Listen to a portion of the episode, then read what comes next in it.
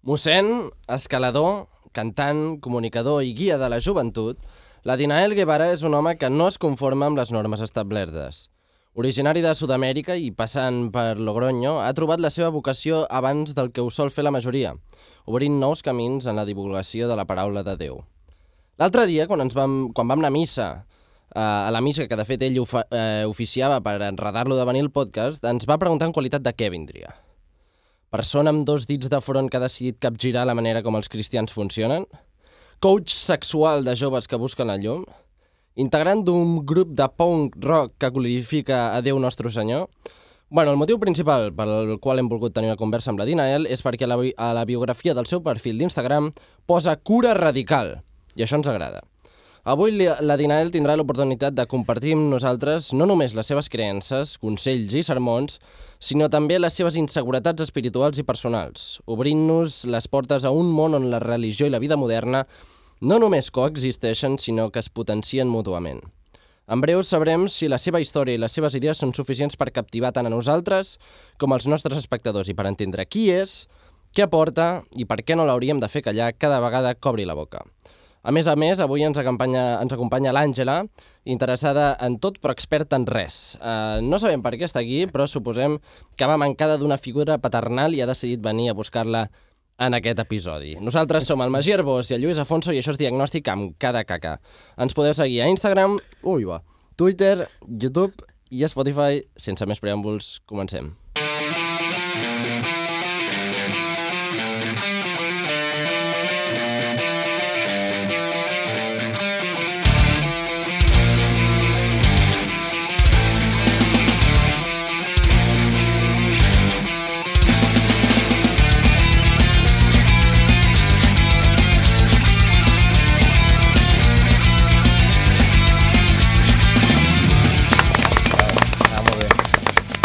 Uh, bon dia, Adinael, un plaer que estiguis aquí. Uh, T'aviso ja que et parlaré en català tot l'episodi. Intentaré parlar-te en català tot l'episodi, que a vegades costa. Um, ja està. Llavors, m'agradaria molt que m'expliquessis una mica qui ets, d'on vens i, i per què t'hem convidat. Vale, pues eso, soy Adinael, como nos ha dicho en la, la introducción muy, muy interesante. Soy pastor de una iglesia evangélica, protestante, eh, y eso, me dedico a servir al Señor, a guiar un poco a las personas y, y eso, eso es un poquito todo en general, ¿no? Vale. En quin moment eh, descobreixes que la teva vocació és ser cura, és ser mossèn? Pues era pequeñito, tenía unos 14 años. Yo creo que incluso antes. Mi madre me llevaba obligado a la iglesia, pero ya de pequeño tenía como ese sentido. Pero fue a los 14 años que tuve lo, la llamada, ¿no? El momento de en el que sentí que Dios me habló. Jo personalment encara l'estic esperant, eh, el meu, Sí, a- però a, jo a mi no m'ha trucat, no m'ha trucat. Estic esperant una trucada, però no... Però és, és un moment que arriba, eh? ¿El que La llamada. Déu Sí. truca o tu has de mm, trucar-lo? Eh, realmente Dios nos busca. O sea, es, es al revés. Es el Dios que se acerca a la humanidad para que el hombre luego lo busque. O sea, Vale, Dios se acerca siempre primero. En tu caso... Uh, ai, en el teu cas, uh, com, va, com va anar? Pues mira, mi madre me obligó a ir a, a un retiro espiritual de la iglesia, súper obligado. Estaba ahí muerto del asco y me acuerdo un- el último día que el predicador estaba predicando, obviamente, abrió la Biblia y leyó el Salmo 27.10, que dice, aunque tu padre y tu madre te dejen, Dios con todo te recoge. Yo empecé a llorar, empecé a llorar en plan, pero rotísimo, rotísimo, claro. Mi trasfondo es que mi padre nos abandonó de pequeño y cuando yo escucho esa palabra, se rompe mi corazón, o sea, se me rompe toda mi, mi defensa de no querer estar ahí, de, de rebelión adolescente, de odio a las autoridades por causa del abandono que lo tenía. Eh, odiaba al pastor de la iglesia y a todo lo que representaba la figura de autoridad, pero en ese momento cuando el predicador leyó eso, empecé a llorar, o sea, fue, fue una ruptura del corazón así, roto, llorando, llorando, y ahí sentí que Dios me habló. Ahí sentí que Dios me habló y me, me invitó a seguirle y a dedicar mi vida. On estàs ara? Sí, Quants anys 14 tens? anys, 14 anys. 14 años. Quants anys tens ara? Ahora tengo 30. 30 ja! Soy un Hòstia! señor, soy un señor ya. I fa 16 anys que um, vas tenir com el teu moment de... mm, com es diu? Té un nom. Sí. Uh, de, de lucidesa, no? De, de que vas veure el senyor. Um, aleshores, quan tenies 14 anys, on vivies? Yo vivía en Logroño. A Logroño. Sí, yo llegué aquí a España pequeñito, a los seis años. Bé, és que l'altre dia vam anar, vam anar a veure una missa teva i, des, i vam estar parlant amb, amb el grup de joves, no? Hi ha, un- hi ha un grup de joves, de, després et preguntarem quines dinàmiques hi ha i, i com ho gestiones, uh, però un d'ells ens va dir que ell també era de, de Logroño, o sigui que tu vas començar la teva la, la teva aventura no, com a pastor a Logroño, és correcte això? Exactamente. Yo empecé a los 19 años en Logroño, en mi iglesia de toda la vida.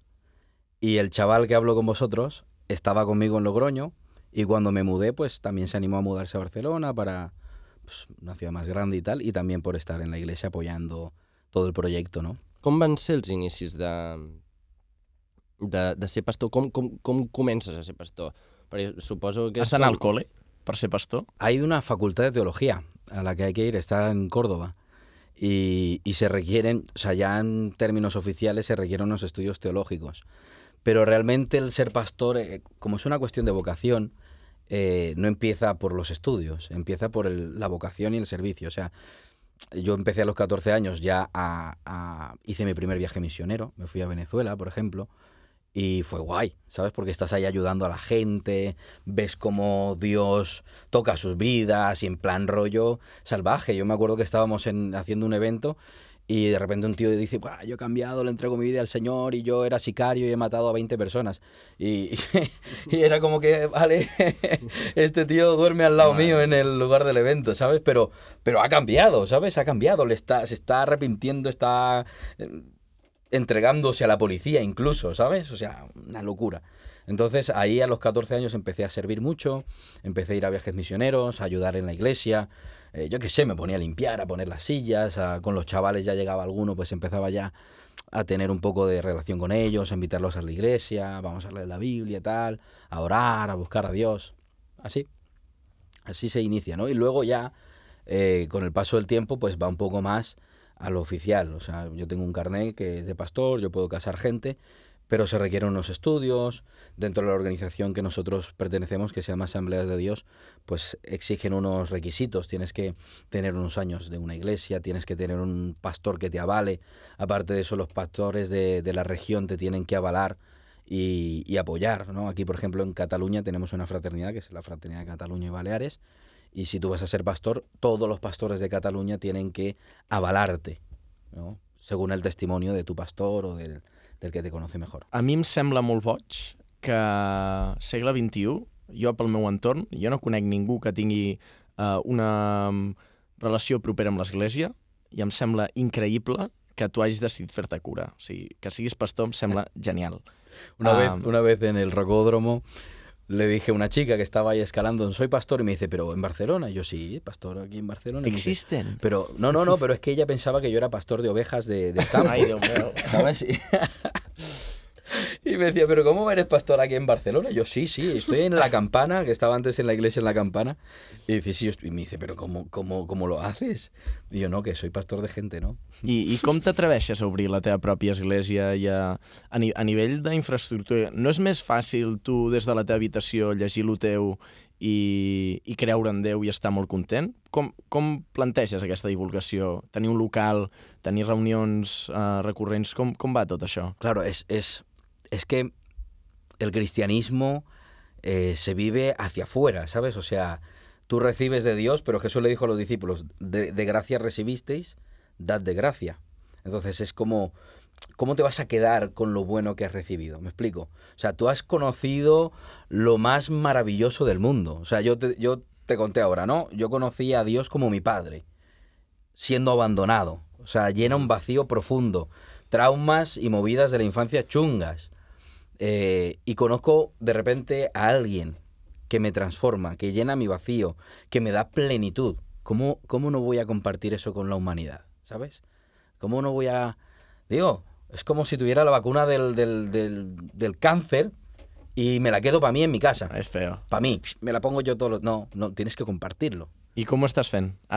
Pues abriendo la iglesia, abriendo la iglesia y lo que hago principalmente considero que la- el método más efectivo, que lo dijo Jesús, es hacer discípulos, es, es decir, eh, trabajar con personas directamente, uno a uno, y ese uno se va a encargar de avisarle al siguiente y ese uno va con el otro, porque ha conocido a Dios, tiene una experiencia real con Jesús y la transmite, porque la vive, ¿no? Porque es algo vivencial, no es simplemente mm, un mensaje que ideológico, no, no, es una vida transformada. Entonces, yo qué sé, yo en la iglesia tengo personas que han sido narcotraficantes, chungos, y, ahora son un cacho de pan. O sea, tú lo ves y son, son ositos de peluche, son el primo hermano de Winnie Pooh. ¿Sabes? Entonces eso es una transformación real que dices, la gente de su entorno lo ve y dice, pues cómo ha cambiado esta persona, ¿no? Entonces eso eh, ayuda a que sea efectivo la, la, compartir el mensaje. Ara que parlaves d'aquestes transformacions, eh, tinc una mica de curiositat per saber quina ha sigut eh, la millor cosa que t'ha portat a obrir una església i també m'agradaria saber el pitjor d'haver obert una església. ¿El pitjor qué es? El peor, lo, lo, lo peor. peor. Ah, vale. Lo, lo mejor y lo peor. Lo mejor, la gente, tío. O sea, lo mejor es la gente, lo peor también. No, mentira. Eh, lo mejor es la gente, o sea, ver las familias, ver la este hombre que te decía, este hombre cambiado, ¿no? Ver gente que, que llega en la miseria, que a la, a la iglesia, pues, la realidad es que la gente viene con necesidad, viene gente con problemes de depressió, pensaments suïcides, problemes d'anorèxia, drogadicció... No, entonces... si, et va, si la vida et va molt bé, si et va tot perfecte, no hi ha res que t'incentivi a anar a l'església, saps? Bueno, pero, bueno, como decía, lo mejor es, está en, en ver esa transformación en la gente. Es súper gratificante, ¿no? El hecho de... Eh, ¿Qué es lo peor? Eh, por lo menos para mí lo peor fue que cuando yo me vine a Barcelona de Logroño, eh, Logroño es, es el paraíso, ¿sabes? Logroño es pequeñito, es barato, eh, se come muy bien, se come muy barato, es una maravilla. Yo tenía un piso de 120 metros cuadrados y pagaba 500 euros. Y cuando me vengo aquí a Barcelona, yo vengo aquí a Barcelona y digo, bueno, me, me alquilo un piso y empiezo la, la, la iglesia en mi casa. Y pff, no, no, porque los pisos son pequeños, ultra caros. Y al final dije, pues alquilo un local donde yo pueda vivir y hacer. ¿Vives en local? Sí, ahora, ahora no, en ese local no, Ah, ahora vale. ya tengo casa. Pero han sido dos años de vivir en un local, ¿sabes? Eh, compartiendo piso con la iglesia, donde la privacidad es cero, donde pues tienes que renunciar a muchas cosas y tal por, por en pro del proyecto de la iglesia Wow. y de las personas, ¿no? Entonces esa falta de tener tu espacio, uf, dos años, Apreta. apreta. I una altra cosa, ja que parlem de l'església, ja, ja llavors el Lluís ja el deixarem parlar, que ara mateix el tinc castigat. Um, però també, clar, perquè la gent que ens està escoltant o veient um, no és una església normal, estem parlant d'un local i quan dius que ets pastor radical vol dir que realment estàs fent alguna cosa diferent. Com, que, com és diferent la teva església d'una església, un edifici amb un cura vell? Per què ets jove i tens una església? I per què et va bé? Eh, ¿Por qué va bien? ¿Y por qué es diferente? ¿Y por qué hay jóvenes? Eh, creo que también porque yo soy joven y eso también ayuda un montón. Y yo creo que eh, trato de ser lo más normal posible. ¿Me explico? O sea, no me trato de presentar a mí mismo como soy un pastor, Un salvador. eh, un salvador o tengo... No, no, eh, yo creo que Jesús no era así. Jesús se nos presenta como amigo. Incluso los fariseos, que eran los religiosos de la época, los sacerdotes y tal, lo llamaban amigo de publicanos y pecadores, ¿no? Entonces Jesús era amigo de las personas y, es lo que trato de hacer, ¿no? Ser amigo de la gente y enseñarle a los que están conmigo a hacer eso. O sea, no somos eh, gente religiosa, somos seres humanos normales y corrientes que hemos encontrado a Jesús una transformación, que pecamos igual, que fallamos igual, que tenemos las mismas movidas, que somos las mismas ratas que todo el mundo, eh, pero hemos encontrado a Jesús y nuestra vida es diferente, es plena y lo compartimos con otros a través de, de esa amistad, ¿no? Vale. I també... Hòstia. Ara, ara no em va gaire bé, Lucas, sí, però estiguem atents. Estàvem enmig d'una conversa molt interessant. És, això és... Eh, no sé, ca, cada episodi... Estas horas que son, colgado. Madre mía, que, que tengo un- una resaca el 15, hermano. Venga, pídete ya los tres deseos que, que quiero ver a sobar, va. Això és un geni de la làmpada que va bastant drogat i eh, cada vegada que portem algú aquí pues, eh, Li ofereix tres desitjos. interromp la conversa i demana tres desitjos. Qué bueno. Tens tres desitjos. No els compleix. Tres deseos. Em, uf, mucho dinero. Eh, eh, hace falta dinero, tío. Tengo que comprar un montón de cosas para la iglesia, tío. El presupuesto es corto. al Vale. Déu, Déu no escapa de les urpes del capitalisme. No? Aunque Dios provee, pero sí, sí. Sí, yo le pido a Dios dinero también, mucho. Eh, mucho dinero, yo qué sé. Dos millones de euros para invertir. Vale, Vale. vale. Específico. ¿Y qué más? ¿Qué más deseo? Eh, un chalet. Me encantaría un chalet eh, por, por la zona esta de... Pedralbes? eh. No, más arriba, donde hay más, bo- más árboles. Vallvidrera, sí, no? Vallvidrera está muy bien. Por ahí, un buen chalet.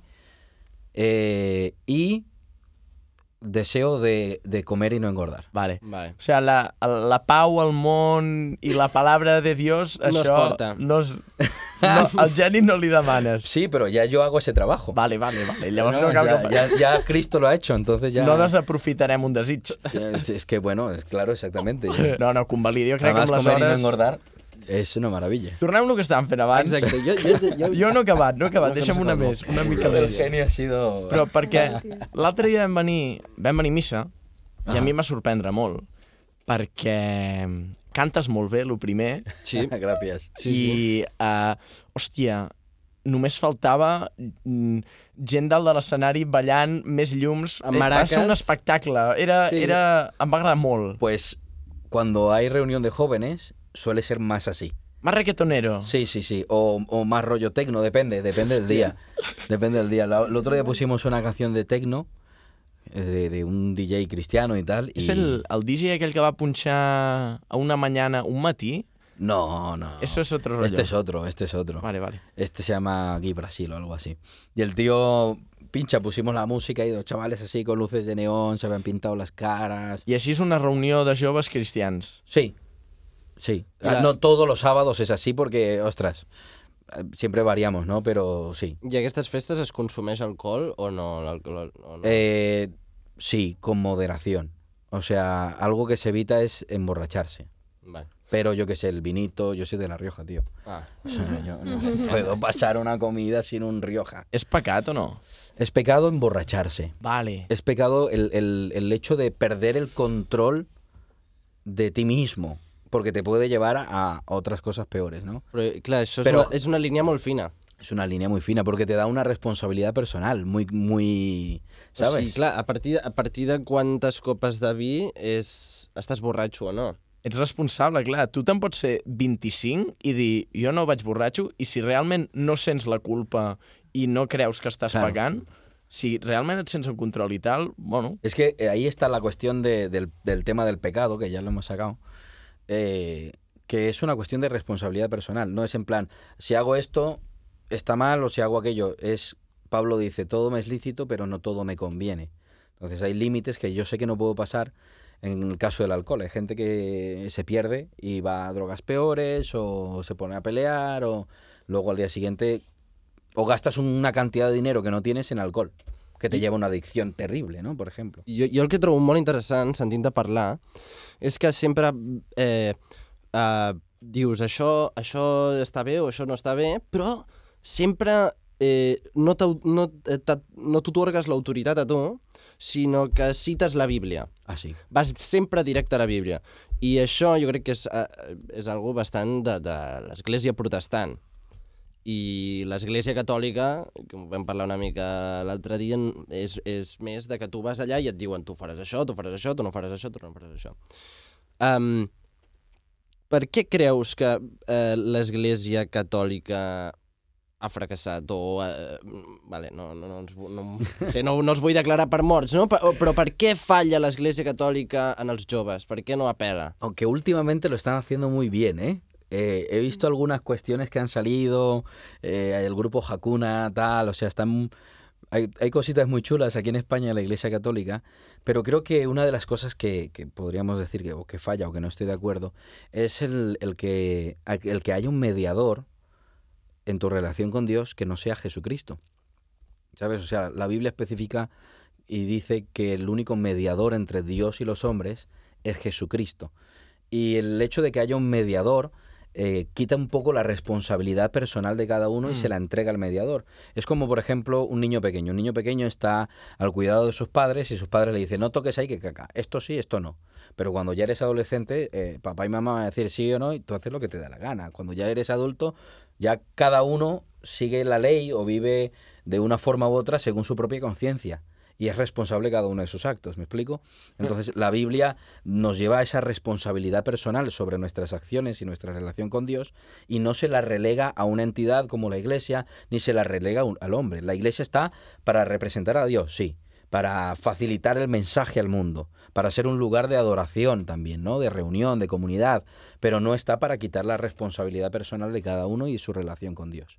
Entonces, los, protes- los protestantes nos enfocamos muchísimo en eso, en la relación con Dios, en que cada persona tiene que tener su Biblia, la tiene que conocer, la tiene que leer. Es más, la iglesia, si, hay el- si yo me equivoco en algún sermón, eh, agradecería infinitamente que alguien de la iglesia venga y me diga, oye, eh, te, has, flipado, te has flipado, eh, la Biblia dice esto.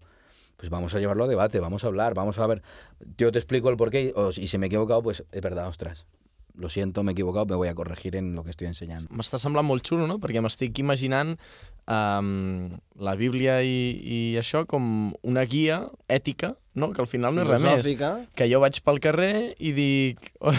sí, sí. Clar, però... ¡Ostras! ¡Alguien que lo ha pillado! No, però, em va... clar, jo m'imagino, ai, que um, he de prendre una decisió, no? Tinc dues opcions. Quina em va millor, quina em va pitjor. Si em conec prou la Bíblia com per fer una referència i trobar en aquell moment de què em va, doncs tal. I si no sóc capaç de, per mi mateix tal, és quan la figura del mediador té sentit. Jo vinc, et faig una consulta, ei, això, segons... A qui li fem cas? A Déu o a Jesús? Segons Jesús, no? Sí, a ver, Jesús es Dios. Clar, jo, jo, jo, jo, jo, aquí, tinc- jo, no, no, jo, jo aquí tinc una boira conceptual. És que estem poc educats Sí, nosaltres. es una Estem poc movida, educats. ¿eh? Es una movida. Dale, dale. Què és, què és Déu i què és Jesús? Ok, ok. Es muy complicado. Es, es, es, por ejemplo, esta es la, doctrina de la Trinidad, ¿no? Por ejemplo, que dice Dios es uno, pero existen tres personas. Es decir, Dios es Padre, Dios es Hijo y Dios es Espíritu Santo. Es como una entidad.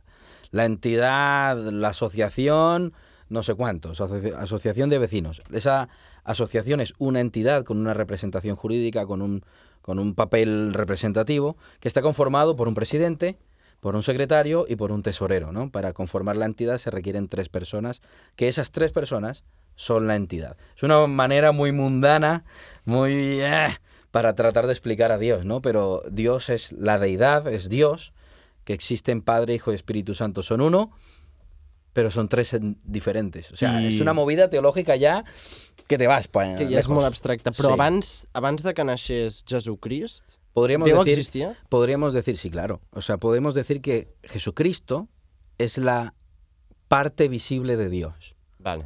Vale. De, de Déu a la terra, que és de que es Dios en la tierra, es decir, la manera de Dios mostrarse al mundo. El otro día escuché un ejemplo de, de, de- de un apologeta, defensor de la fe, que decía, es como si tú trataras de comunicarte con una hormiga. No, no, no puedes gritarle a la hormiga, puedes hablar con ella, pero no te va a entender. Para poder comunicarte con la hormiga, tendrías que reducirte a hormiga para poder comunicarte con ella, ¿no? Entonces es lo que Dios hace. Dios, que es infinito, escoge hacerse hombre para que nosotros lo podamos entender. Y ese hombre es Jesucristo. Vale. I l'Espíritu Santo on queda? El Espíritu Santo está ahí también. O sea, el Espíritu Santo está constantemente eh, en operación en la tierra, ¿no? Es, es parte de, de- de- de Dios mismo, es Dios mismo. Y por lo menos Jesús se va y le dice a los discípulos, yo me conviene, os conviene que yo me vaya. Porque cuando yo me vaya va a venir el Espíritu Santo y va a habitar en vosotros. Entonces el Antiguo Testamento nos muestra un Dios lejano sentado en el trono alto, sublime, lo define el profeta Isaías, dice, vi a Dios sentado en el trono alto y sublime. Tenemos a Jesús que se le llama también Emanuel, que significa Dios con nosotros, es decir, Dios habitando entre nosotros. Y tenemos al Espíritu Santo, que es Dios en nosotros. Por eso Vale, Jesús dice, vale, vale, me conviene que os conviene que yo me vaya. Gràcies. És que és, és una mica dramàtic això, perquè, clar, jo no he estat educat en... I abans de fer-te qualsevol pregunta, és molt complicat perquè, clar, el punt de partida jo ja no l'entenia. Fa 10 minuts sabia molt menys del que sé ara. Jo vaig anar a l'església durant un any, però Jo també. el, pro però el problema era que era una església uh, molt com la teva. I no, no ho dic en el, en el mal sentit perquè jo l'altre dia quan vaig venir uh, vaig trobar la, la missa que vas fer interessantíssima. Però fa cinc anys, quan anava a l'església cada dia, eh, també era protestant, era així que et podies assentar al sofà i prendre't un cafè i tocaven cançons de rock, però jo allà no, no em sentia... No, no, no estava disposat a, a que em vingués Déu. Però, mm, però és, és, és això, el que dèiem, que el punt de partida és diferent, nosaltres som bastant eh, poc educats eh, religiosament. Um, y, y encima lo que habéis que preguntado es, o sea, es teológico profundo, ¿sabes? Bueno, les bases, no? De Pero, sentar les bases, pero, les pero bases. es, es, es la esencia de Dios, ¿sabes? Jo crec que l'Àngela fa cara d'aquella sí que sabia de què estava parlant. Tu, tu com, com porta Però la relació perquè amb jo- Déu? Perquè jo m'he educat en una Acosta't escola... al micro, si us plau. Jo m'he educat en una escola religiosa i per mi en aquest àmbit sempre ha sigut com pau per mi. O sigui, no, no he intentat buscar cap pregunta ni cap resposta.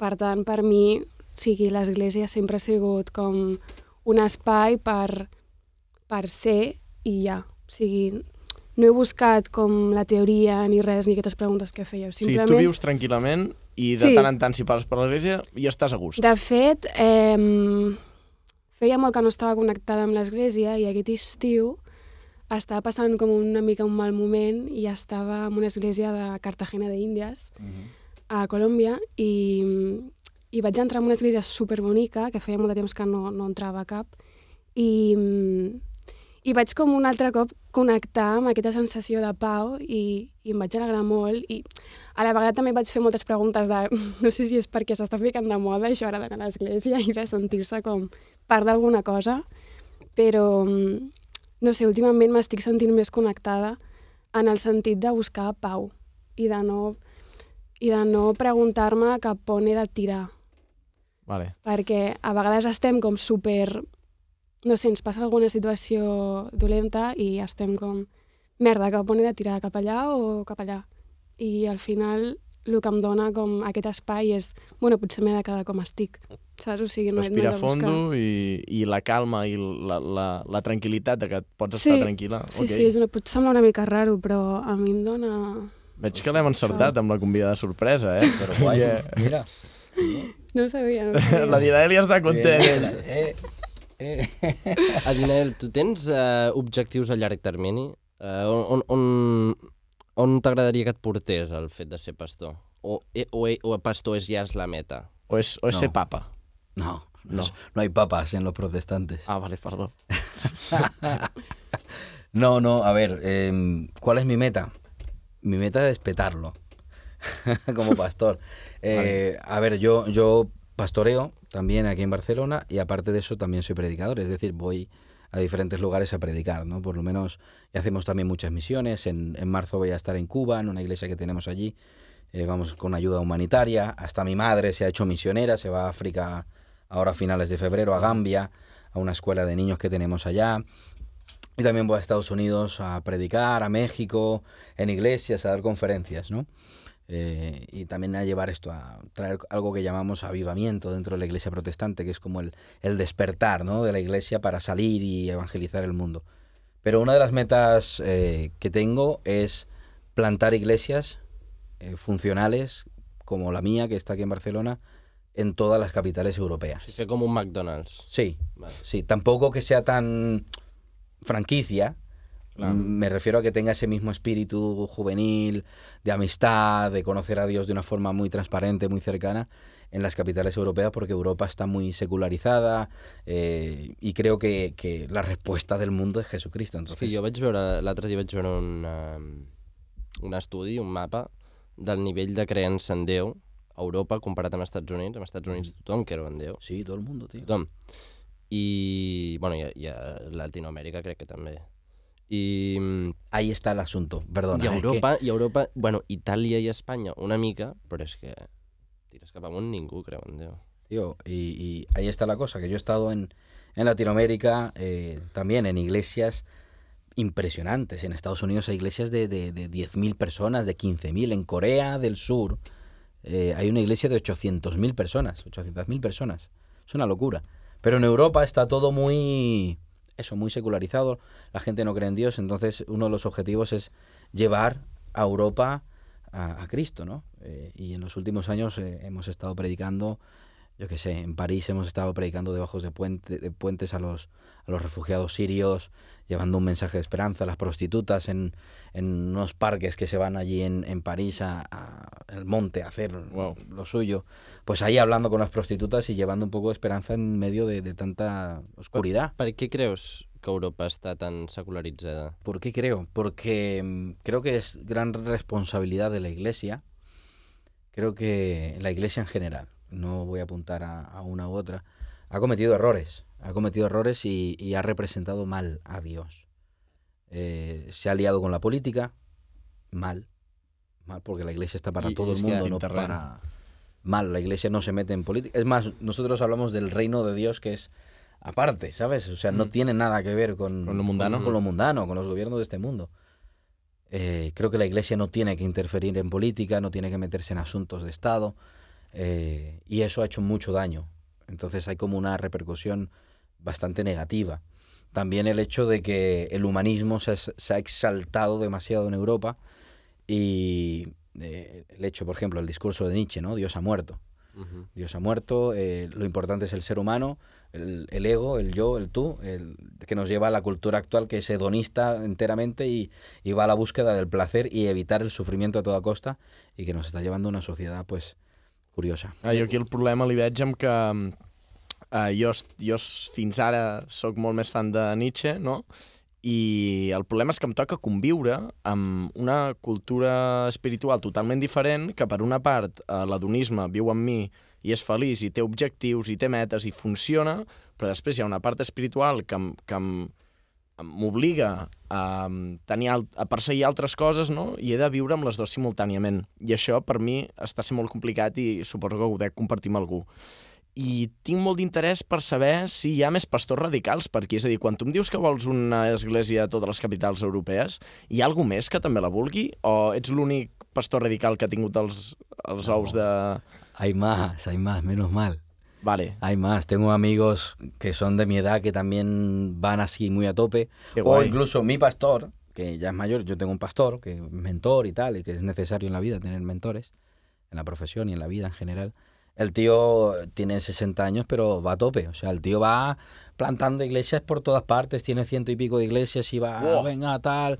Me acuerdo cuando vine a plantar la iglesia aquí a Barcelona y me decía, Dina, mis amigos me llaman Adina, me dice, Adina, eh, Barcelona necesita una iglesia guay. Claro, señor de 60 años, ¿sabes? Una iglesia que mole. Nada de cutreces ni cosas. Una iglesia molona, con luces, con la, la pones el escenario negro, tal.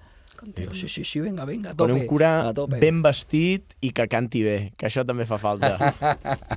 Eso, de esos no hay tantos. que estan així fuertes com tu, no n'hi ha tants, d'aquests De no. esos no hay tantos, de esos no hay tantos. Suele haber más con, con, con pancita, sí. es que dicen por ahí que pastor sin panza no genera confianza.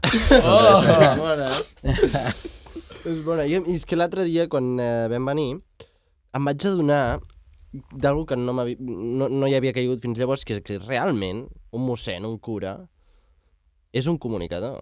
Efectivamente. És un comunicador, és, és com el presentador de tele que t'està intentant vendre el missatge que promou la cadena, saps? I, i no sé, eh, jo com a intent de comunicador m'agradaria eh, preguntar-te eh, quines lliçons has après a l'hora de comunicar, perquè realment parla, parles molt bé, el, el, el, discurs em o la missa em va agradar molt. Es que, el... es que, bueno, os decía un poco el otro día también, tenemos un muy buen mensaje, pero si no somos efectivos en comunicarlo, al final el mensaje, y nos pasa con todo, ¿no? Con los comunicadores en general, puedes tener el mensaje que sea, pero no como un cocinero también, o cuando tu mamá te ponía las verduras, que si no están bien puestas no te las comes. Mi madre me las ponía, las acelgas o el calabacín con, con jamón, con queso y las, ah, las freía y tal, y me comía yo el calabacín. No es lo mismo comerte el calabacín ahí así mal puesto.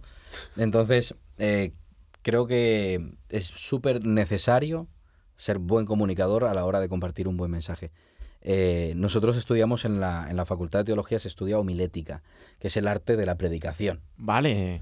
Entonces ahí te enseñan un poquito algunas técnicas de predicación. Aparte de eso, a mí me gusta mucho ver los, los monólogos. Por ejemplo, Dani Rovira me encanta.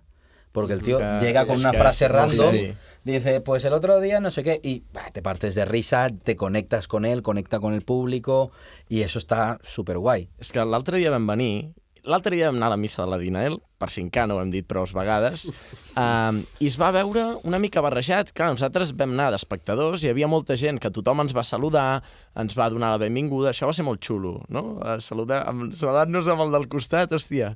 Vale, preguntant i, bueno, és igual, la qüestió. Uh, primer unes cançons, música, llums, els joves ballant unes voltes, tenien coreografia, un espectacle. Coreografia assajada, eh? Ja venien, venia... O sigui, Se la sabien se la ja. Sí, sabien, la sabien, sí, nosaltres sí, sí. no ens la sabíem, però també vam ballar.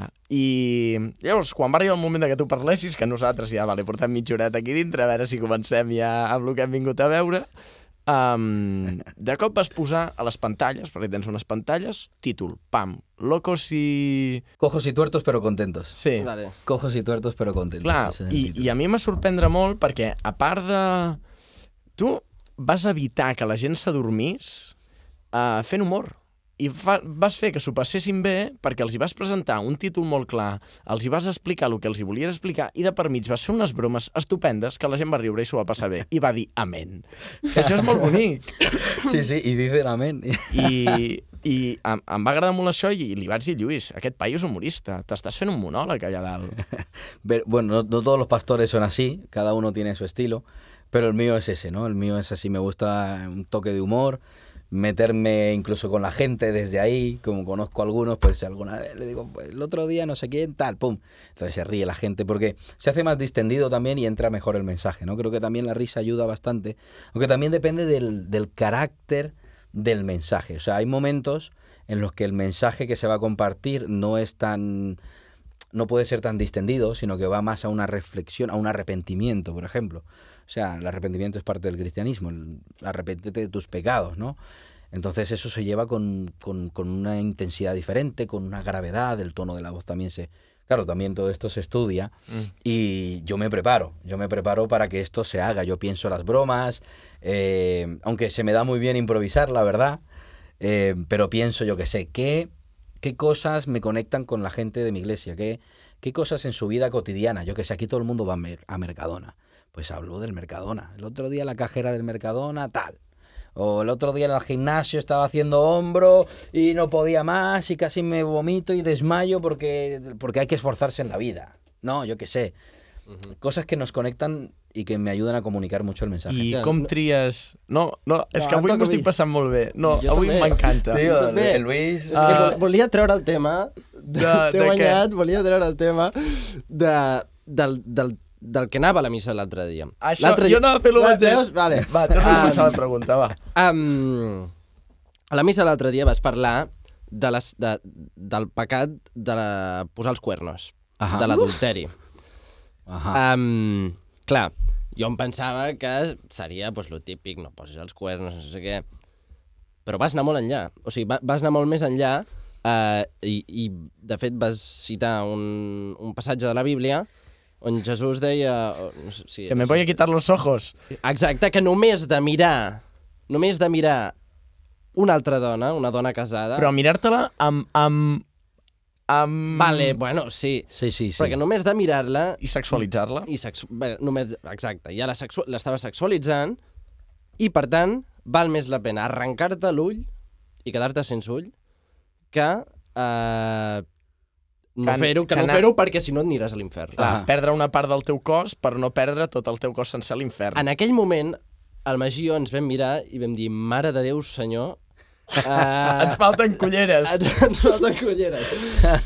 um, no sé, creus que a vegades l'Església, o sigui, la paraula de Jesús eh, es malinterpreta o es va més enllà o... Claro, se puede malinterpretar. Por ejemplo, yo dije ese día, vamos a dar unas cucharas para que al final de la reunión cada uno se saque el ojo que le hace mirar, sexual, sexualizar a las mujeres, ¿no? Eh, obviamente, eso es un recurso que Jesús está utilizando, es una hipérbole, ¿no? Está exagerando para poder enseñar un principio que hay detrás. Eh, eh, o sea, fíjate la, la importancia que le da. O sea, es tan malo sexualizar a una mujer como adulterar. Si tú tienes tu mente tan corrompida que no puedes mirar a una persona, a un ser humano, sin sexualizarlo, entonces te vas a ir al infierno y tienes que arreglarlo. Tienes que arreglar el origen de tu pecado, tu corazón, no el hecho de que vas y adulteras, no. Ya vas y adulteras porque ya, por, ya tú estás mal dentro. O sea, no que de repente, ay, me tropecé y adulteré. Oh, jolines, corcholis, eh, he pecado. No, no, o sea, está tu corazón mal y entonces tienes que corregir tu mentalidad. Tienes que cambiar interiormente. Entonces es lo que va Jesús, ¿no? También eh, algo que estudiamos en el seminario se llama hermenéutica, que son las reglas de interpretación bíblica. Es decir, no se interpreta la Biblia así como cualquiera viene y dice, pues yo digo esto porque la Biblia a mí me parece que dice esto. No, no. O sea, hay unas reglas de interpretación bíblica, la Biblia tiene un contexto general, cada libro tiene su contexto y se interpreta dentro de su contexto eh, para poder entenderlo y aplicarlo de forma correcta. I després l'has de, l'has de transportar a la teva vida quotidiana. Exactamente, y se aplican los principios a la vida cotidiana. Creus que la, hi ha temes de l'Església i de la paraula de Jesús de la Bíblia que estan que poden haver... Eh, eh, s'han quedat eh, desfassats? Eh, em refereixo al tema de, per exemple, els homosexuals, els transsexuals... Creus que a l'Església li fa falta clicar el botó d'actualitzar en això? Eh, es una pregunta complicada, ¿eh? Amigo? sé, això l'he fet. Bien, bien.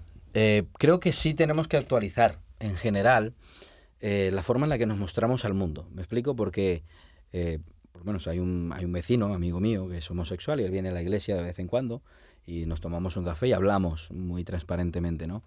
Y yo le pregunto esto, ¿cómo te sientes? ¿Sabes? ¿Cómo te sientes bienvenido? Porque la iglesia debe ser abierta para todo el mundo. Si es verdad que no comprometemos nuestros principios, no comprometemos lo que dice la palabra de Dios, porque Sí, si, diu la eh, paraula de Déu eh, eh, sobre els homosexuals?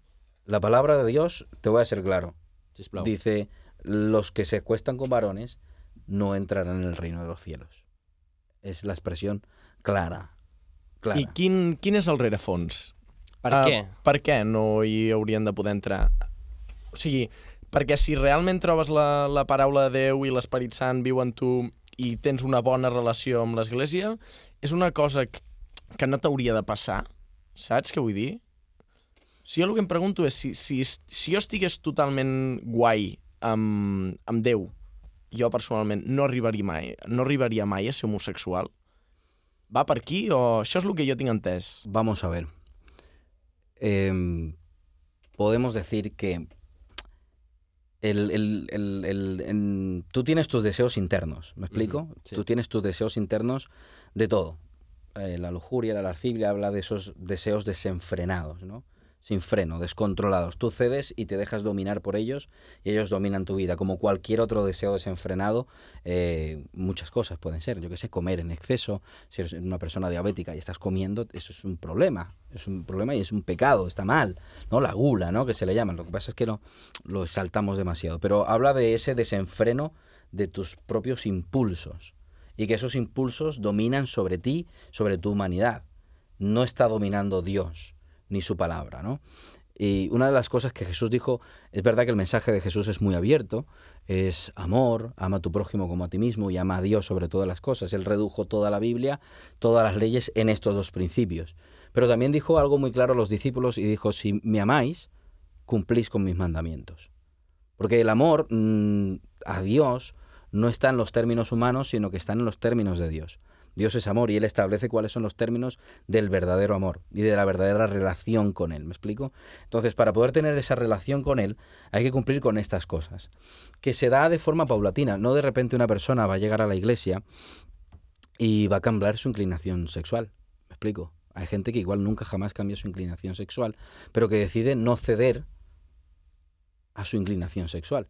Por ponerte un ejemplo, yo soy eh, soltero, ¿vale? Tengo 30 años y yo tengo deseo sexual. Como todo el mundo. O sea, el ser pastor a mí no me quita nada. Pero dentro de, de- de- de nuestra fe y del cristianismo, eh, los pastores nos podemos casar, espero que pronto, que Dios me responda, por favor. Eh, pero yo tengo deseo sexual. Y cualquier persona pues dice, bueno, soy un chaval de 30 años, no soy feo, no soy feo, entonces puedo... Y ya está. Pero Y- yo escojo decir, yo quiero agradar a Dios, quiero honrar a la persona con la que me case y que esa persona sea la única persona en mi vida a la que voy a amar y la que voy a amar sexualmente, entonces por amor a Dios y por amor a esa persona que aún no conozco, no cedo a mis impulsos. Sí, mateix estàs vivint el celibato. Sí, eh? Dolorosamente, pero sí. Uau. Uau. No, no, felicitats, és molt, és molt heavy. Gracias. I quines altres limitacions? Uh, com a persona, com a mascle de 30 anys que viu a Barcelona, a part de no poder sucumbir al teu deseo sexual de manera desenfrenada, Mhm. que jo en sé d'algun... O que- frenada. Exacte. A part d'això, quines altres limitacions et suposa uh, seguir la paraula de Déu? Mira, eh, una de las cosas que da el, el- el- que lo dice Pablo, ¿no? Somos libres, o sea, no hay ninguna condenación para los que están en Cristo. La libertad es eh, lo principal del cristianismo. Eres libre de tus impulsos, eres libre de ti mismo, eres libre de tu carnalidad que te domina, de tus adicciones. Eh, Cristo te hace libre. Entonces viene el punto de que las limitaciones son personales, son autoimpuestas. Eh, y hay limitaciones que yo tengo. Por ejemplo, yo, a mí me encantan los tatuajes, ¿vale? Me encantan demasiado. Y no es pecado hacerse un tatuaje. Home, perquè ex no existien quan, a l'època de Jesucrist? els tatuatges? Probablemente sí existían, yo creo que sí existían. Eh, sí, porque los egipcios se tatuaban Sí, y tal. O sea, existían. Eh, pero mm, la Biblia simplemente dice un pasaje, no te harás marcas sobre la piel para diferenciar entre el- los sacerdotes paganos que se cortaban y se rajaban para, para hacer su idolatría y los sacerdotes de Dios no se tenían que cortar ni marcar, ¿vale? ¿Por qué saco el tema de los tatuajes? Porque a mí me encanta. Encantaría hacerme aquí el brazo entero, pero yo sé que dentro de sectores más conservadores o para cierto tipo de personas, el que yo tenga un tatuaje le va a causar problema. Con otro tipo de personas, ningún problema. Más bien les va a gustar, les va a llamar la atención, se van a acercar, pero por amor al otro, por amor a ese a esa minoría pequeña que tiene ciertos prejuicios, a esa minoría por amor al otro, yo me niego a mí mismo y no me hago el tatuaje. Entonces, la norma de las limitaciones autoimpuestas es el amor. Por ejemplo, eh, a mí me encanta la cerveza, ¿no? Yo, una, una Paulaner. ¿Te encanta la cerveza? fuego, Me encanta. No me lo digas. Portat? No Me encanta. No, en? Doncs pues mira, Ah, ¿Te gusta la cerveza? Es que tengo aquí un poco, si quieres. No podemos beber. quina marca és? No, és xiveca, Al, Chiveca. al final. la xiveca, Al sí. final. Però, Però ja mira- les treguis i les tenim per, les tenim per després. Sí, les tenim per després. y me gusta, me gusta un montón, ¿eh? La, Dale una a l'Àngela, que segur que li agrada també. Bueno, Home, bueno. qué maravilla. Eh, pero lo que decía, si yo estoy con una persona, en la iglesia sobre todo, que sé que tiene problemas de alcoholismo, eh, o que tiene una debilidad con ello, que su familia ha estado mal por el tema del alcohol, pues yo digo, no me tomo la cerveza. ¿Sabes por qué? Por esta persona. Que estoy yo en mi casa, me la tomo. O que me voy a tomar una caña con los amigos, me tomo mi caña. Pero cuando hay ese momento en el que yo puedo traspasar el límite de una persona y hacerle daño con mis acciones, me restringo. Jo ara, o sigui, an analitzant-ho, diguem-ne diguem filosòficament, eh, la relació que tu tens amb Jesucrist, entenc que és com una mica, una mica la mateixa que tu tens amb la teva parella, per exemple, perquè um, l'amor eh, requereix que tu cedeixis llibertats. No? Si tu estàs en una relació, cedeixes la teva llibertat personal per el, el bé de la relació. I, i diguem que la relació amb Jesucrist, doncs tu cedeixes la llibertat de, en aquest cas el que dèiem, de- d'estimar de, com tu vulguis, si tu t'agraden els, el, els persones del mateix sexe eh, o, o t'agrada molt eh, la xiveca, doncs tu cedeixes aquestes llibertats pel, pel bé... Pel, perquè Pel bé de la relació. Pel bé de la relació. El problema que tinc és eh, per què qui va posar aquestes normes? Com sabem que Jesucrist eh, realment va dir això? Eh, ¿Cómo sabemos que realmente Jesús ha dicho estas cosas? I per, Em, què l'hauríem, I per què li hauríem de fer cas si posa aquestes normes tan estrictes, també? Vale. Creo que no son tan estrictas, primero.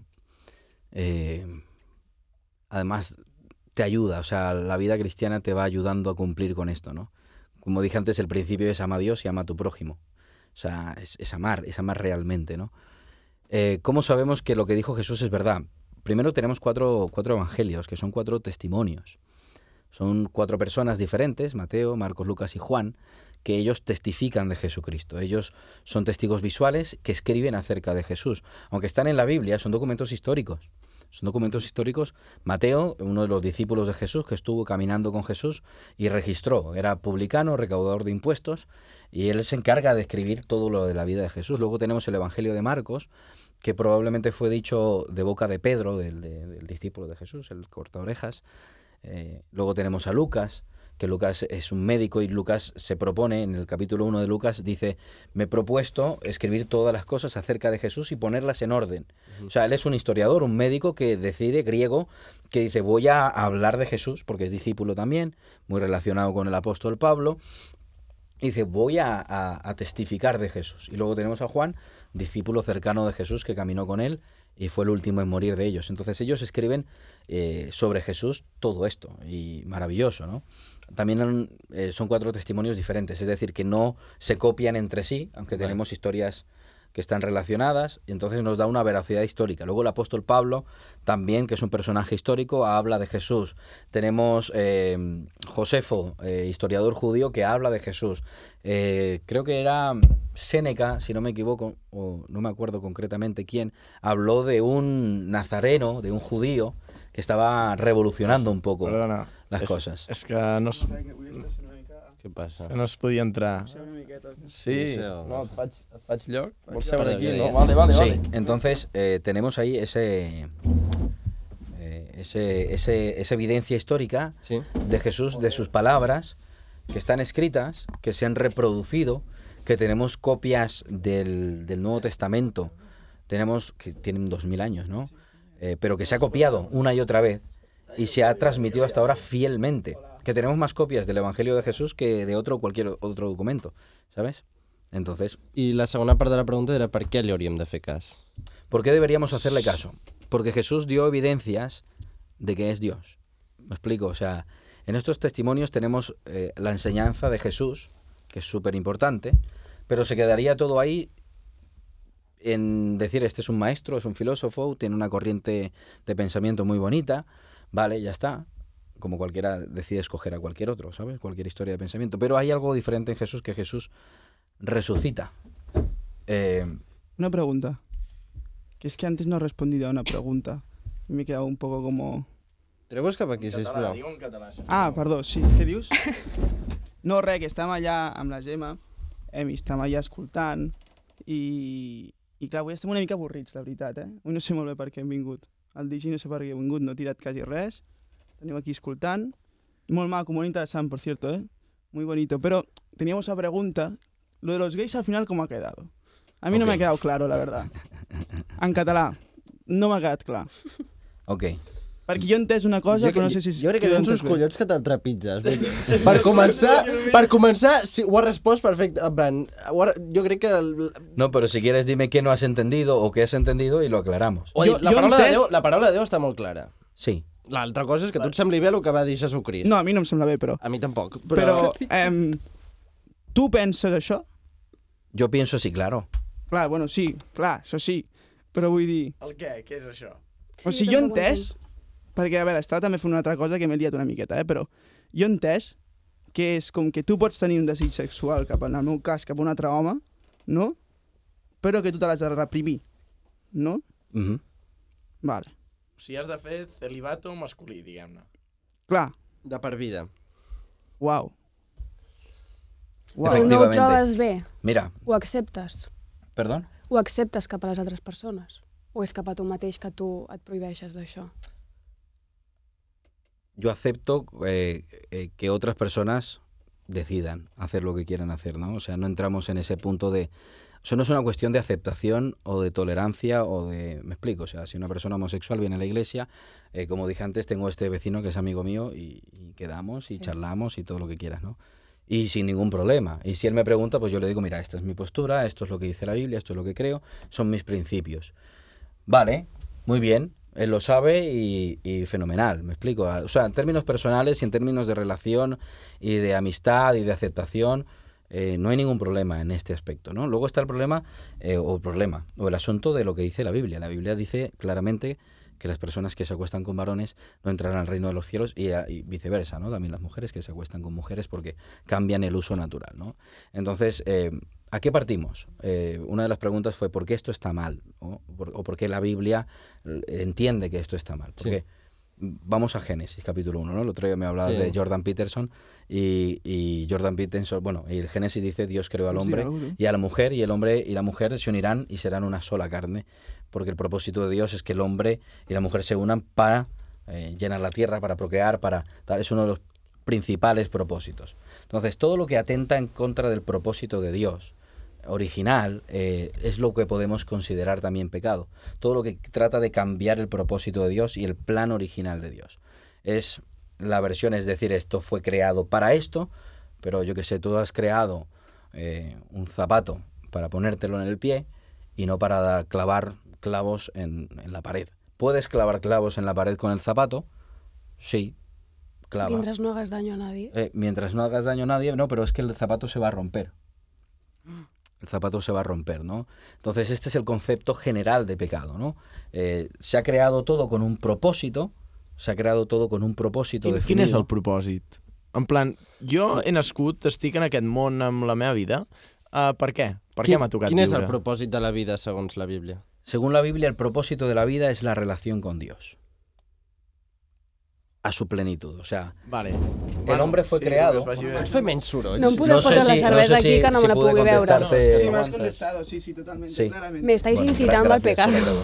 No, no, no Gràcies, peguis, no peguis. Y además no se puede aquí. Yo estoy... No, ara, ara, és que ara sortirem... Ese es el problema. Propòsit Mira, ¿cuál es el propósito Nos estamos de la vida? privando. Pregunta grandísima. ¿Cuál es el propósito de la vida? Pues mira, eh, Dormir tranquilo. es una maravilla. Yo duermo tranquilo, ¿eh? Uf, Ya está. Y ronco. El otro día ronqué un montón. Iba en el AVE, de, venía de Madrid y estaba roncando que no veas. La gente me miraba súper mal. Eh, I tu li dijiste... Sabies vas- que mirava malament si estava roncant? porque cuando me desperté te, hacen, jo mira, veig? te hacen así como... Ja. como por fin. Vale, ¿no? hi ha, hi ha una Bueno. cosa... No, ara em sap greu, Ah, perdó. ja t'has quedat sense propòsit a la vida perquè perquè portem molta estona, però és que l'Àngel encara no ha dit res. I ja que l'hem portat aquí ha dit Perdó, és que jo, clar, no volia opinar sobre coses que Està queden molt grans. Clar, però uh, m'estressa. Aviam, tu m'has dit que avui tenies alguna cosa per dir-nos aquí. Jo no sé què faig aquí, primer de tot. Primer de tot no sap què fa aquí. Però Bueno, és- jo això, això és algo positiu. quan li vaig dir en qualitat de què volia venir al podcast, em va dir no sé què, la gente moderna. M'ho ha dit en castellà. a que ja li la gente dir. moderna. Vale, pues, pues a fer el que haig de Con fer. perdón, padre. Pero yo, a veces... Suelvo. No, no hacemos eso. Què opines? Què, quin, quin, quin missatge has vingut a Res, no sé, a veure, jo ahir estava una mica hater en aquest sentit de la gent moderna. Què és la gent moderna? La gent moderna... És que, clar, jo crec que entro en aquest grup. Tu ets, sí, Sí, tal com portes, tal com vas vestida. La- L'americana et delata. Vull dir, Amer- Però per, americana con llavors, per... Què passa? Eso es muy és molt moderno. modern. Es muy moderno. És que no, no ho sé, però el que passa que crec que la gent moderna... O sigui, jo crec que estic en el grup de gent moderna, però sóc conscient de que estic en aquest grup. Ok. Va, i llavors ja quedes perdonada. Sí, Estàs absolta del pecat. exacte, perquè sóc conscient de que, o sigui, quan estic amb algun plan o estic amb gent així, en aquest ambient, sé que no és com la vida real, perquè en el meu cas, en aquests àmbits, és com que jugues a un joc de que tot s'hi val, no hi ha regles i tot està permès i no tens responsabilitat de res i al final tu acabes una mica boja. Llavors jo crec que sóc conscient d'entrar de, en aquest grup, però després quan surto i arribo a casa dic, vale, això no és la vida real, m'ho passo bé i estar allà per, per experimentar, perquè tinc 22 anys i perquè veig coses, provo coses que m'agraden, no em venen bé, em van bé, i crec que també això serveix per, per conèixer-te, identificar-te a tu mateix. Vale, veient el teu drama, Uf. perquè, perquè el que estic veient aquí... No. Jo el és que estic veient aquí és un, és un símil entre... O sigui, és el, sen, el sentiment de, per, de pertinença a algú major, a un grup. I un Mira, grup pot jo- ser l'Església i l'altre pot ser el grup de moderns de Barcelona. Deixa la mestressa moderna que parli, a veure què... A veure, em, en el meu cas, vaig a parlar per lo que jo sé, perquè si em fico aquí a Clar, perquè parles de gent moderna, jo encara no, jo no he entès que és la gent moderna, però si em posa el teu propi exemple, igual me'n puc fer una idea. Mira, jo fa uns mesos he experimentat una situació que a mi pues, m'han fet, m'han trencat una mica el cor. Li han trencat el cor. Vale, cor trencat. Ja sabia, ara, ara ho entenc. Quants cors trencats tenim a la sala? Un altre, vinga. Un, un allà segur.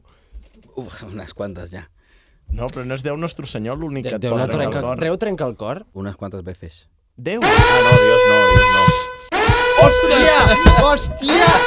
Vale, eh, eh, aquí s'acaba la conversa superinteressant que teníem. L'hem de pausar un moment perquè tenim una bateria de preguntes. Tens un minut i 30 segons per respondre les següents preguntes. Si acabes a temps, un minut, va. Si acabes a temps, tindràs un premi sorpresa i si no, doncs et fots i marxes d'una puta vegada. Un minuto. Tens germans?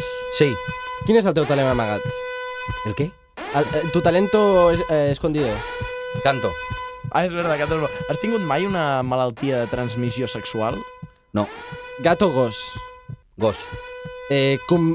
Combinat predilecte? Bebida? Cubata? Eh, mojito. Pose preferida al llit? Del JIT, ¿qué es el JIT? En la, La cama. Pose Boca preferida. arriba como un cadáver. Vale. La pitjor mentida que li has dit a la teva mare? Uf, en castellano. La peor mentira que le has dicho a tu madre? Eh, que... mm, Que me fui a la enfermería y por eso me pillaron y me expulsaron del colegio cuando me estaba jugando las clases. Recicles a casa? Sí, Quan fa que no folles? toda la vida. Artista preferit? Artista preferido. Eh, me gusta mucho New World Son, que es un grupo cristiano. Vale.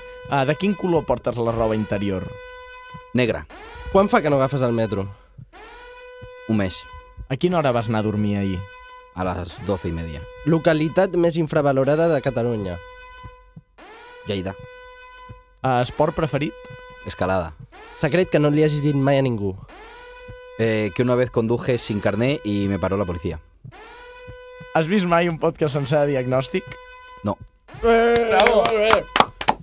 Vale, doncs, doncs, Per on com que ho La has fet molt bé... complicación de que algunas cosas no las entendía en, catalán. No, no, y bueno, genial, Molt eh? bé, Però- molt bé. Si has aguantat el ritme... Yo creo que más que todo por los nervios de la velocidad de tal, que me he quedado como bloqueadillo, pero... Doncs tu fas divulgació a la paraula de Déu, nosaltres fem divulgació al català, per Molt bé. exemple.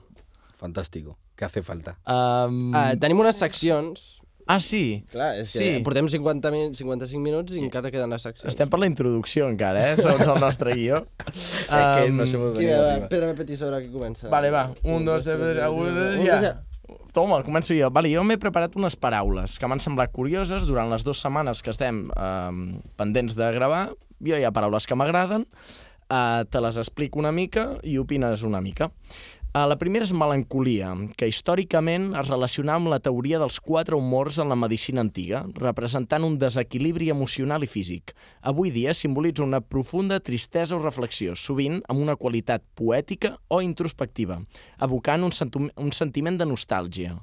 Um, quina relació tens tu amb la melancolia i com es presenta, segons Déu, aquest sentiment? Podríamos hablar un poquito más enfocado quizás a, a la tristeza y la depresión, Vale. porque tiene que ver, creo. Eh, y creo que Dios responde muy bien. O sea, habla de... El otro día dije en la iglesia que Jesús nos muestra el camino de la felicidad, ¿no? Alegres o muy alegres los que viven según estos principios, ¿no? Y lo bonito de esto es que el cristianismo enseña que la felicidad no está en lo que adquieres ni en lo que haces, sino cuáles son tus valores y tus principios que te ayudan a superar la vida, ¿no? Jesús mismo dijo, en el mundo tendréis aflicción, pero no temáis porque yo he vencido al mundo. O sea, hay algo más allá, se puede vencer a la vida y superar esos estados de melancolía, de melancolía profundos y de depresión que te... Que bueno, que ya ves que hay gente que acaba en el suicidio. Tengo, en tinc una altra. La següent és prestigi, que originalment està associat amb la màgia i l'engany, curiosament, però el prestigi ara denota respecte i admiració guanyats a través de l'èxit, l'habilitat o les contribucions valuoses. Uh, quin creus que és el prestigi més valuós de la religió ara mateix? Creo que lo más valioso, eh, lo más prestigioso puede ser el, el- el hecho de, del amor fraternal y de la comunidad que se te presenta. Es el- tú decías antes de, de pertenecer a algo más grande, Sí. ¿no? Pertenecer a una familia más grande. Y creo que eso es extremadamente valioso eh, ahora mismo. O sea, todo el mundo valora ser parte de algo más grande, ¿no? I la tercera que tinc um, és l'utopia, que és un terme forjat per Thomas More i representa una societat idealitzada on tot és perfecte, sovint utilitzat per contrastar els ideals amb la realitat, reflectint sobre el que podríem aspirar a ser com a societat. Um, I tu, dins de la teva posició, la teva utopia, com la veus? Uf, yo soy un poco pesimista a- al respecto de, de una sociedad eh, maravillosa y perfecta. O sea, creo que este mundo eh, no presenta una opción, una alternativa, ni que vaya a poder ser que produzca la felicidad. O sea, no hay nada en este mundo que produzca la felicidad. Y voy al cristianismo, pero es lo que creo. Y es que eh, Jesús te promete un cielo nuevo y una tierra nueva. Es la esperanza máxima del cristianismo. Un nuevo mundo redimido, recreado por Dios, en el que realmente sí se va a poder ser feliz plenamente. ¿no? Apocalipsis termina diciendo, eh, será un lugar en el que Dios enjugará toda lágrima de ellos, ya no habrá más tristeza ni más dolor. Y me parece súper bonito, ¿no? Es el momento de consolación extrema del reino de Dios venidero, porque este mundo nos lo hemos cargado tanto que, que pues, bueno, que ja està, que està reventat. Vale, doncs moltes gràcies. Fins La- aquí la meva secció. La meva secció és... Jo et presentaré dos anècdotes històriques, dos fets històrics, i una és certa i l'altra és falsa. Tu m'has de dir quina creus que és verdadera Vale. i quina és falsa. Vale. Eh, vale, són, els, les dues estan relacionades amb el papa de Roma, eh, ho sento. Me la vaig preparar abans de que sapigués que fossis protestant, eh, però bueno. Um, primera, el gener del, del 897, en un dels episodis més estranys de la història papal, el papa de Roma Esteve VI, VI va fer exhumar i jutjar el seu predecessor, el papa Formós, el qual ja estava mort. En aquesta anada d'olla, coneguda com el concili cadavèric, el cadàver del, del papa Formós va ser vestit amb robes papals i col·locat en un tron per ser jutjat per perjuri i per haver accedit al papat il·legalment. Al final del judici, el cadàver va ser declarat culpable i el seu papat retroactivament va ser declarat nul. Després del judici, el cos de Formós va ser enterrat de nou, exhumat de nou, mutilat i finalment llançat al riu Tiber. Segona, Vinga. El 1516, el papa Lleó X, conegut pel seu estil de vida extravagant i els seus problemes financers del Vaticà i els problemes fin- financers que hi havia al Vaticà, va imposar un impost papal sobre les barbes. Aquest impost tan inusual s'imposava al clergat com a mitjà per recaptar fons. El motiu darrere d'aquesta política fiscal anava lligat al decòrum religiós, ja que els rostres ben afaitats es consideraven més d'acord amb els ideals de l'església de l'època. Quina creus que és eh, certa, quina creus que és falsa? Es que las dos son muy típicas. Que pueden- Típiques. las dos pudieran ser reales. La, o sea, el típic impost sobre la barba, sí, ¿no? sí, sí, no, no, total. O sea, si vas a... Es verdad, o sea, ponte a estudiar lo que han hecho los papas. Qué delita. Eh, Quina és veritat i quina mentida, va? eh, creo que la primera es verdadera. Correcte! Bravo! Bravo. Vale, va. Estem ja a la Jo- jo- recta jo- finalíssima del Sí, tot. finalíssima. Jo crec, jo crec que has superat totes les proves que havies de superar. Um, T'ho has passat bé? Sí, sí, muy bien. ab abans, però, de, de, tenim un regal per tu. Ostras. Um, crec. No. Eh, i, eh, però abans, però, m'agradaria que eh, Este está bien. donessis un consell pels joves. Creo que en, en- la juventud eh, se experimenta mucho y hay que experimentar, hay que disfrutar, hay que pasarla bien y probar, ¿no? Probar todas las cosas posibles. Pero al final, al final, eh, creo que cada uno tiene un momento de pensar en Dios, en medio de toda la diversión, de probar, de encontrar. Y creo que es una de las respuestas más importantes de la vida, es una de las búsquedas más importantes de la vida. La espiritualidad, el propósito de la vida, ¿no? Que hablábamos antes y no nos dio tiempo a contestar, lo encuentras en Dios. O sea, ¿quién mejor para decirte el propósito de tu vida que, tu creador, quien te ha diseñado, quien te ha formado, eh, que sabe todos los detalles de, de- de tu ser? Creo que merece la pena dedicar tiempo a buscar a Dios. En medio de toda la búsqueda, aunque parezca algo muy institucional, muy iglesia, ostras, un poco aburrido, pero creo que merece la pena parar un momento y dedicar ese tiempo a hablar con Dios, personalmente cada uno, y creo que Dios les va a contestar. O sea, tengo tanta fe en Dios porque es que me ha respondido a mí, eh, y lo veo en la iglesia todos los días, a la gente que viene, ora a Dios y Dios le responde, y que merece la pena dedicar ese tiempo a decirle, oye Jesús, dime si eres real, aparécete en mi vida, muéstrame, llévame una iglesia, mándame un podcast en el que vaya un pastor, yo qué sé. Eh, y Dios, que nos ama, va a responder. Indudablemente va a responder porque el que busca halla y al que llama se le, abrir- se le abrirà. Bravo! Molt bé, pues, Doncs va, eh, era, era broma, sí que tinc un regal per tu, Ostres! vale? Um, T'explico. Hi ha una cosa aquí dins que t'anirà molt bé hi ha una cosa aquí dins que t'anirà molt bé perquè al teu local vam venir, hi havia molta festa, hi havia molta música, ens ho estàvem passant molt bé, però vaig pensar, ja veuràs, obre, obre, obre què hi ha aquí dins. Vamos a ver. Pots Esto es... ensenyar a càmera?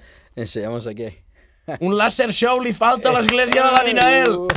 És una llinterna, a més. Això és genial. esto viene guapo para... I la funda és, és perquè t'ho puguis guardar a algun lloc, que si no ho perdràs. Sí. Vale? La funda está guapísima. I no us penseu que això s'acaba aquí, Això no perquè s'acaba aquí. uh, hi ha un element molt especial que nosaltres hem arribat avui i la Dinael ens ha portat un regal a nosaltres. L'únic que nosaltres el fem una mica més especial, mireu. Com faig per treure amb això sense que, sense que se'm vegi tot? És, és una mica, però... Tenim aquesta samarreta de l'Església Vida. Um, Iglesia Vida Barcelona. Iglesia Vida Barcelona, eh, dir direcció, Eh, calle Comte Burrell 97. aquí la teniu, i posa Ask, ask, me, ask me about Jesus, eh, potser la veurà una story que vam penjar l'altre dia. Re Um, Revival is now. Llavors, aquí tinc en aquesta bossa una samarreta de Ask Me About Jesus que inclou un Evangelio de San Juan, vale? Això pot ser vostre. L'únic que has de fer, si vols aquesta samarreta, és, És- like, seguir-nos i comentar uh, quin és el teu passatge preferit de la Bíblia. Vale? O si comentes qualsevol altra cosa, també t'ho donarem. Podries Uh, repenjar aquest post, aquest reel, això són teva- moltes a la- a la condicions, ja. No, si voleu la samarreta, uh, feu quatre cosetes i la sortegem. Merci. Ja Eh, despedim, ja no? està, ja ja podem despedir, no? Doncs què, despedeixes tu o despedeixes? Um, mira, farem una cosa. Com Fem una cervesa. Sempre, sempre tenim problemes a l'hora de despedir. Jo crec que podria despedir l'Àngela. No, Va. no. Sí o no? Vols despedir tu el podcast? Vinga. Has de donar gràcies a tothom, mencionar les xarxes socials de tothom i ja està. Hòstia, hòstia. No. Passo palabra. Vale. Vale, vale. Despedeixo Doncs, eh, jo. Sí, despedeix tu. El Lucas vol venir a despedir. El Lucas Vinga, el. Lucas, el DJ. El DJ de- despedirà. Eh, mentrestant, si pots dir, abans de despedir, si, on, es- on et poden trobar les xarxes socials, que la portes? Adinael, ¿dónde, on, on et poden trobar xarxes? Instagram y Facebook. Eh, nom? Iglesia Vida Barcelona. I la personal també? O y la personal no? también, Adinael Guevara. Ya está. A tot arreu, Adinael Guevara, Adinael Guevara. Iglesia Vida, Barcelona. No hay más Adinaeles Atents. en, en España. Bé, despedeix. I fins aquí diagnòstic d'avui. Seguim-nos a les xarxes a Instagram, TikTok, YouTube i Spotify. Estem amb Lluís Afolso, Magí Arbós. Arbós, Adinael Guevara. Adinael Guevara, Àngela. Àngela Quesada. Quesada, Instagram. A què? Instagram. Ah, hòstia, que cutre això. Dale, dale, dale. Tu vols ser famosa Dale, o no? dale, dale, dale. Àngela Comedina. Àngela Cubedina, Adinael Guevara, Adinael Guevara. Lluís Afonso. ja està. No, ets nefast. aquí, Ets fins aquí. nefast. Però Ets nefast. Marxa d'aquí. Ets nefast. Fins aquí el sisè diagnòstic. Espero que hagueu dit molt. Espero que hagueu entès que uh, la cerca del propòsit i de la pròpia fe és un element a tenir en compte en la vostra joventut. Que pa- après alguna cosa. Vull dir una cosa, que parlar amb Déu, per qui estigui en contra de Déu i aquestes coses, és parlar amb tu mateixa. És més sutil. Hola, tirant barres, drop the mic, tanquem aquí, ens veiem a la pròxima. Bravo! Vinga! Madre mía.